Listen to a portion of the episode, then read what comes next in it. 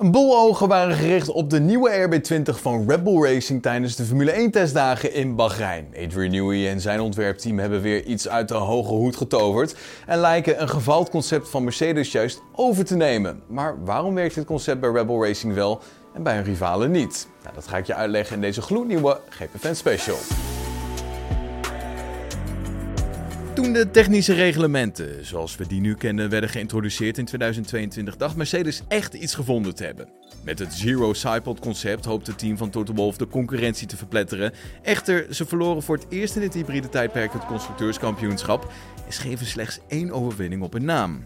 Ja, Mercedes bleef maar volhouden dat het concept zou gaan werken en ging er in de winter voor 2023 dan ook gewoon mee door. Maar voor seizoen stonden ze geen enkele keer op het hoogste treden van het podium. Midden in het seizoen werd het Zero Sidepod concept dan ook geschrapt en de focus verschoof al gauw naar de auto voor 2024.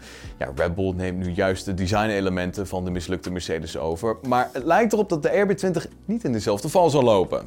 De RB20 heeft als het ware een grote bobbel aan de onderkant van de engine cover. Tussen de sidepods en de engine cover vinden we nu een gleuf voor de luchtstroom richting de achterkant van de auto. En dit had de Mercedes W14 ook vorig seizoen. Waarbij de RB19 de onderkant van de sidepod inlet uitstak, steekt bij de RB20 juist de bovenkant uit. De Bull teams hebben op dat gebied het ontwerp van de RB19, waar Red Bull dus zelf nu van afstapt, voor dit seizoen gekopieerd. Red Bull heeft haar sidepods voor nu nog in ieder geval wel een beetje breed gehouden. Dan hebben we nog de radiator inlet onder de sidepod inlet en die is smal en verticaal. De Grand Prix van Miami nam Mercedes juist afstand hiervan, omdat de zilverpijlen maar niet lukte om het concept te laten werken.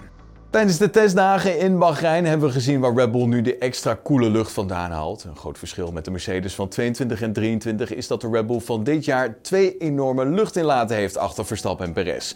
Omdat ze redelijk hoog op de auto gepositioneerd zijn, zou er in die inlaten een laminaire stroom van een heleboel schone lucht geleid worden vanaf de voorkant van de auto.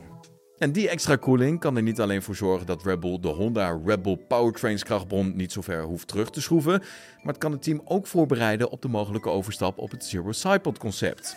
Ja, geruchten doen de ronde dat Red Bull de brede sidepods houdt voor de warme races in Bahrein, Saoedi-Arabië en Australië, maar haar eigen interpretatie van het Zero Sidepod concept zal introduceren voor de Grand Prix van Japan omdat het koelsysteem op deze manier de rijder niet in de weg zit, hoeven ze bij Red Bull niet de hele cockpit iets naar voren te schuiven. Wat Mercedes wel moest doen met de kritieken van Hamilton en Russell over de wegligging van de W13 en W14 tot gevolg. Was hem dan de GP Special hier op Spotify. Vond je dit een leuke aflevering? Laat het dan even weten in de comments en dan zien we je later weer. Tot dan. Hoi.